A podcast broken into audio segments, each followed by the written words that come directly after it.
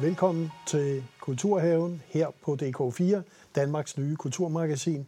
Her hvor vi går tæt på kunstnere, kulturledere, kulturaktører og spørger om kunsten og kulturens betydning, både for den enkelte, for samfundet, hvilket ansvar har kunstnere, og i det hele taget prøver at se på, hvilken rolle spiller kunst og kultur i en mere og mere digitaliseret verden. Det ønsker vi at sætte fokus på i nogle samtaler med nogle super interessante mennesker og kunstnere. Så derfor rigtig hjertelig velkommen til jer derude til Kulturhave på DK4.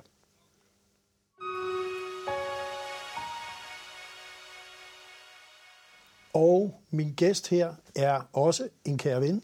Jeg har faktisk kendt ham lige siden han debuterede.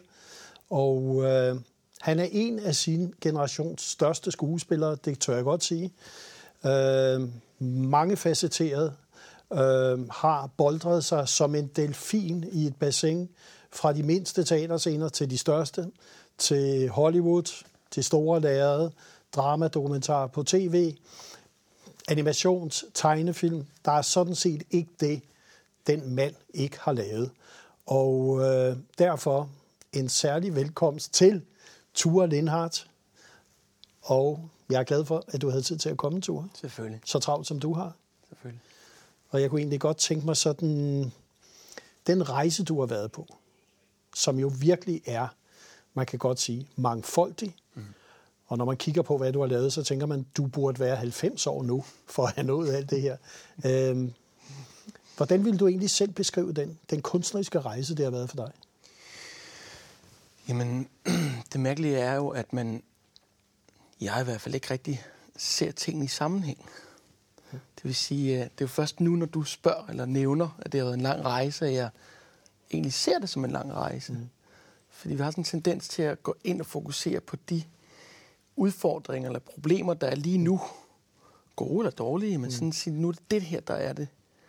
Og så glemmer ligesom at se på helheden. Mm. Øhm, men når jeg sådan ser på det lidt udefra eller oppefra, så, så kan jeg da godt se det en fantastisk rejse at få lov til at være med på. Altså, dengang du startede, Ja, altså, der har man nogle drømme, ja. man har nogle visioner. ja, Øhm, og man siger, hvis jeg nogensinde når dem, ja, så er jeg glad og tilfreds. ja. Har du nået dem nu? Øh, ja og nej. Altså, problemet er jo med de der drømme og, og det der vilje, det er, når du når på, på toppen af en bjergtæne, så ser du en derovre, så er du også over på den. Ja, Ikke? Eller som rødhætte ulven, ikke? så ser hun en blomst der, og så skal hun også have den. Ikke? Og det, det er jo, altså det er jo, sådan er vi. Og sådan, sådan er jeg jo også. Mm-hmm. Og, det, og det men det interessante er jo, at jo, mange af de drømme, jeg havde, da jeg var ung, dem har jeg nået og opnået. Men jeg har også fundet ud af, at, at der lå noget bag ved dem, mm. som måske i virkeligheden var det, der skulle opnås. Og det har jeg ikke altid opnået, men det er der, hvor det bliver interessant. Mm-hmm. Det er klart. Fordi der er ligesom to sider. Og Der er overfladen, og så er der noget bagvedliggende. Og det der bagved, kan du sætte lidt ord på det? Ja, det kan jeg godt. Øhm, altså, det er jo... De gamle mytefortællere har jo, har jo beskrevet det, helterejser, og vi er alle sammen helte igennem årtusinder. Ikke? Og det er jo det der med, at man rejser ud for egentlig at rejse ind. Mm-hmm. Øh, og det har jeg oplevet igen og igen og igen. Mm. Øhm, skal jeg se, om jeg kan komme med et konkret eksempel? Jamen det jo, jeg kan godt komme med et, et, et eksempel kan være, øh, da jeg, du kan sige, endelig kom med i en, i en stor Hollywood-film som, som Engler Dæmoner Ja. Øh, for hvad, 10 år siden. Ja. Og spillede med Tom Hanks og Ewan McGregor og Ron Howard instrueret osv. At da jeg endelig stod der på det der filmsæt, og øh, der var tusind statister, og de havde genopbygget øh, Peterspladsen, mm. og altså alt var ligesom så stort, som det overhovedet kan være. At da vi så først gik i gang med at spille, så var det jo bare to mennesker, der spillede sammen, eller tre. Mm. Og det var en instruktør, der gik ind for at løse en scene. Og det var ligesom om, jeg, jeg fandt ud af, at jamen, det er jo bare det, det er. Mm. Og det er jo det dybere liggende, nemlig lysten og trangen til at fortælle historier. Det er den, der er det vigtige. Mm. Og det er derfor, at jeg gør det, jeg gør. Og hver gang det hver gang, at, at nu siger jeg jeg, mm. men jeg kan se de andre også, bliver for optaget af de store sæts, eller de store buffeter, eller de store scenografier, eller jeg skal være berømt, eller rig, eller så videre, så videre. Hver gang det er det, der optager mig for meget, så går det galt. Så falder hammeren. Og man kan vel sige, at du er berømt, du er kendt, øh, du er også beundret. Hvordan er det lykkedes overhovedet at bevare, nu siger jeg sig selv, den ture, som ja. stod og drømte, når du står på de store sæt, og, og du i dag er en, som alle vil sige goddag til? Det er jo heller ikke altid, at det lykkedes. Øhm, men jeg tror også, at det er en del af rejsen. Ja. Og jeg tror sådan, hvis jeg skal prøve at forstå det igen lidt sådan, jeg ved det ikke, større, så tror jeg måske i virkeligheden, det har været mere det, der har været rejsen. Mm. Og, og, og stadig er det, mm. og netop nå ned i, i selvet og i, i, det, i det dybere liggende lag af det menneskelige sind, ja. inklusive mit eget selv, mm. mm. end det egentlig er alt det andet. Ja. Og alt det andet er ligesom det, jeg kalder, øh, nu kalder det overflade, men jeg mm. mener ikke overflade som nødvendigvis en dårlig ting. Nej, jeg er med.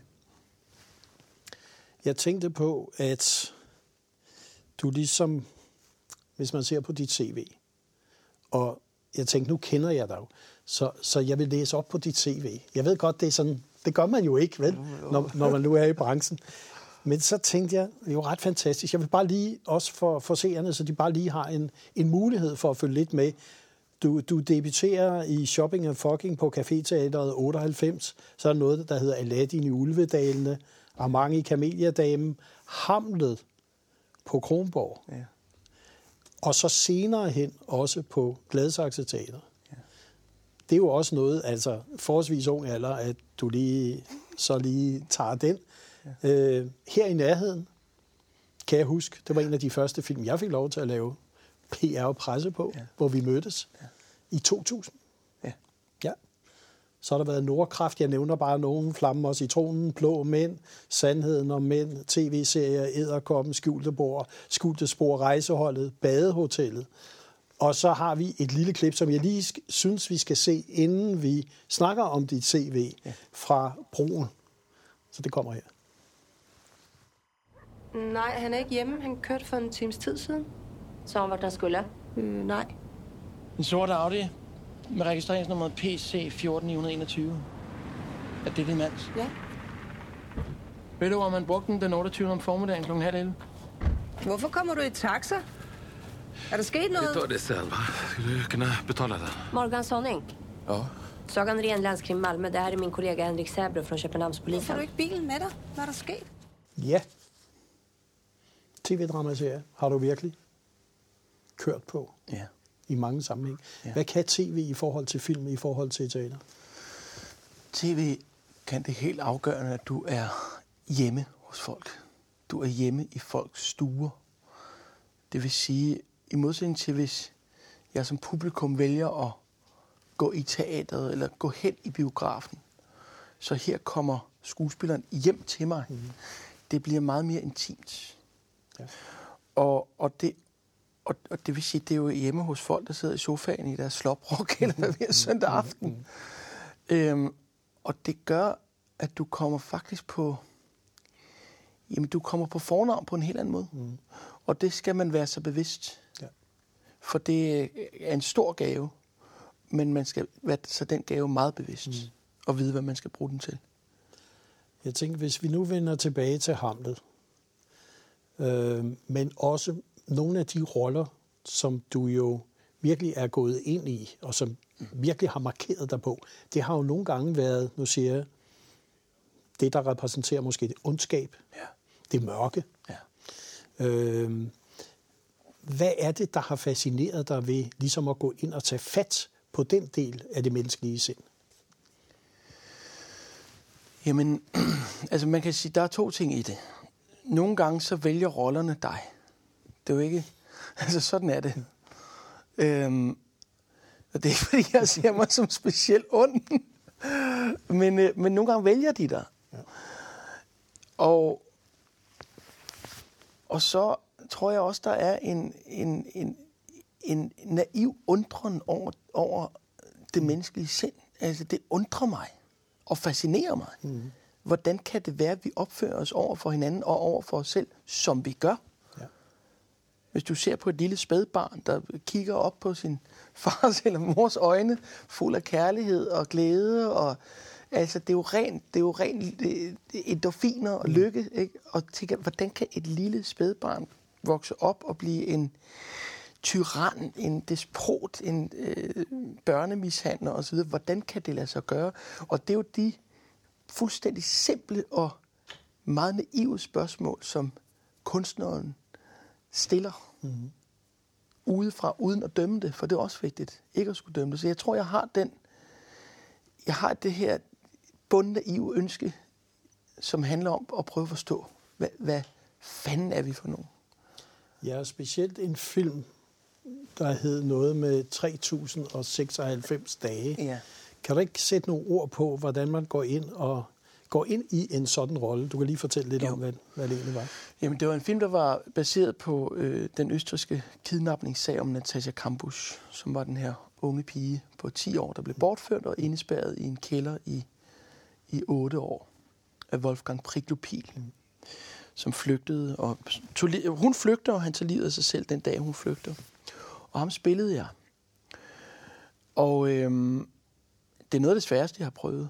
Fordi hvordan, som jeg sagde før, må jeg ikke dømme min karakter. Hvordan, hvordan forsvarer du et menneske, som gør umenneskelige gerninger? Og tage en lille pige og, og tage otte år af hendes liv fra hende. Mm. Hvordan forsvarer du det? Og det skal jeg. Fordi det er et menneske. Og hvis jeg ikke viser ham som et menneske, så er det ligegyldigt. Mm. Øhm, og det, det, var, det var vanvittigt svært. Øh, En af de ting, jeg faktisk gjorde, det var, at jeg, jeg talte rigtig meget med min mor om det. Hun er psykiater. Mm. Og prøvede at finde ud af, hvad, hvad er det i ham? Hvad er det for nogle mekanismer i ham, der gør det? Og vi nåede så frem til, at han er narcissist. Mm. Han kan ikke se, hvad det er, han gør. Han er forvrænget. Han ser en lille dreng, han vil redde. Eller en lille pige, han vil redde. Så hans projekt bliver faktisk fuldstændig modsat, end det vi andre oplever. Mm. Det bliver at passe på og beskytte det her lille menneske. Mm. Og så skal vi sige, lyder det sygt? Ja, men det var det, der var hans projekt. Og det skal jeg ind og spille. Og det gør det vel også interessant, kunstnerisk, at skulle gå ind og forsvare, eller bringe nogle facetter med, som vi i offentligheden jo aldrig vil have, for vi vil jo dømme med det samme. Jamen, det gør det vanvittigt interessant. Og det gør det jo også interessant, nu taler vi også om selvets rejse i alt mm. det her. Det gør det også interessant, fordi det jo også tvinger mig til at kigge på mine egne både fordomme og øh, jamen, hvordan jeg det hele taget ser andre mennesker. Mm. Det tvinger mig faktisk til at indleve mig, og du kan kun indleve dig på en måde, og det er med empati. Mm. Og det kan være vanvittigt svært. Mm. Øhm, det er utroligt, egentlig, det kan være så svært, men det kan det. Mm. Men nu tænkte jeg sådan fra den autistiske Brian ja. i her i nærheden til de mørke sider, til Hamlet på Kronborg. Hvis vi nu kommer tilbage til Hamlet, som ligesom for enhver skuespiller vel er, det er rollen. Ja.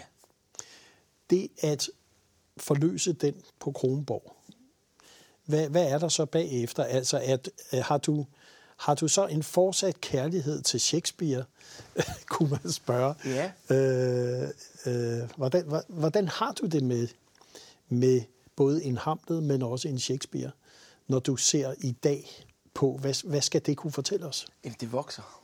Det vokser. Altså, når du først beskæftiger dig med det stof, så det, det vokser. Altså, mm. det, det bliver siddende. Det bliver siddende inde i. Det bliver en del af dig. Mm. Faktisk. Altså, de tanker. Ja.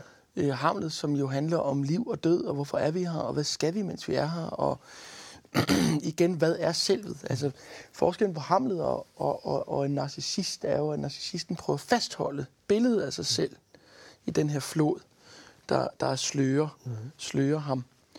Hvor Hamlet har en dyb optagelse af, hvad er det menneskelige sind? Og hvad, og hvad er vores opgave, mens vi er her? Mm. Og når du, når du beskæftiger mig der med, med, med så stor en tekst og så store spørgsmål, så jeg vil sige, kan du næsten ikke undgå at begynde at interessere dig for det selv. Øh, Det bør du i hvert fald ikke undgå. øhm, så det, det optager mig vanvittigt meget. Nu skal jeg faktisk spille Shakespeare selv i Shakespeare in Love her på Østergasværk. Ja, og det er en gang i marts, ikke? Jo. Ja, okay. Ja, øh, slutningen af marts Ja, ja, til, okay. og så hele april. Ja. Og det er jo en, en, en fortælling øh, om Shakespeare. Den er ikke baseret fuldstændig 100% på, på, en, på, på facts, mm. men den er baseret på Shakespeares legesyge, hvordan han, hvordan han opfattede noget, han læste noget, hørte om noget, mm. og så brugte han det i sit stykke mm. og skabte en, en, en dyb sandhed baseret på en masse fortællinger og historier, og gjorde historierne større, end de egentlig var. Mm. Et eksempel kan være øh, historien om Amlet, mm. øhm, ja. den jyske kongesøn, mm. ikke?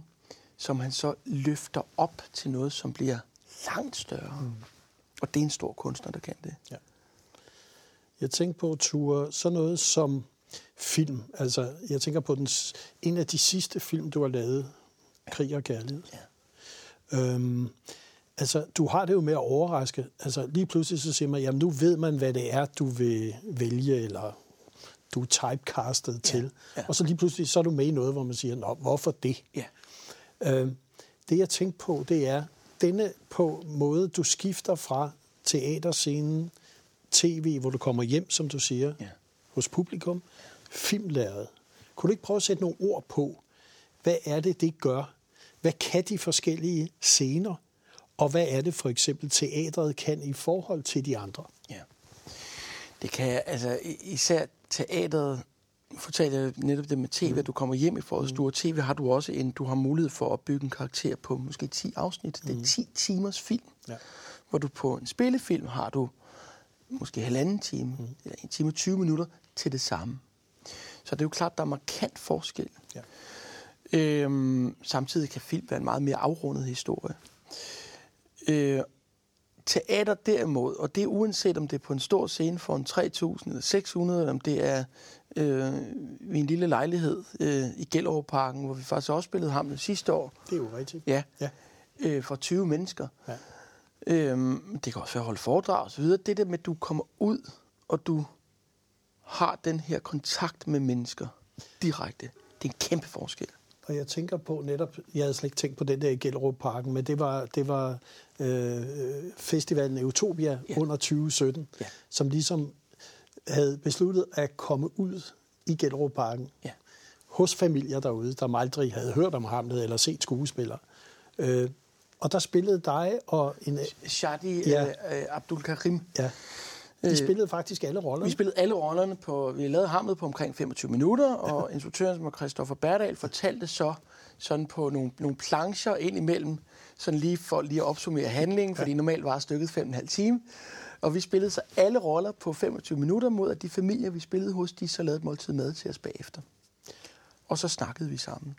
Og det er faktisk en af de største, det er en af de største teateroplevelser, jeg har haft. Ja. Fordi det blev en reel udveksling mellem os og publikum ja. og Shakespeare. Ja.